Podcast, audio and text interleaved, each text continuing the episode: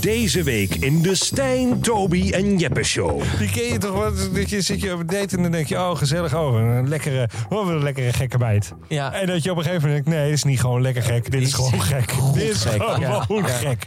Ja, of dat ze tegen zichzelf praten met hoge piepstemmetjes. Oh god, Ja. oh Oh, ja. ja, Ja, heb je ja, ook, hoor. ja, ja. Ik, ik, eh, ja. ik kan me gewoon niet- Ik kan me een voorbeeld herinneren van iemand die dat, die dat deed. Wie Ja, ja, vertelde- dat was bij mij was toen ik Ja. een meisje in de staat had ontmoet. Ja. Echt jaren geleden. Oh, Ja. vertelde hij. Die deed dan, was ik mee aan het praten en dan op een gegeven moment...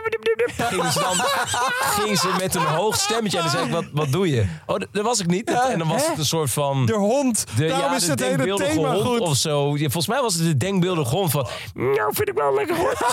En dan- ja, maar wat...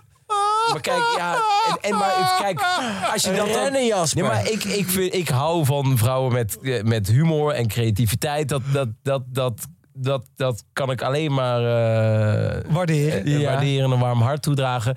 Maar ze ging maar de hele avond hiermee door. Op een gegeven moment werd ik er gewoon echt gek van. Je bent gewoon crazy. Nee, dat vind ik wel gek. Ja, gewoon echt. Het was en dan is mijn hond af, Vicky, af. Stijn, Toby en Jeppe Show, gezellig in de studio.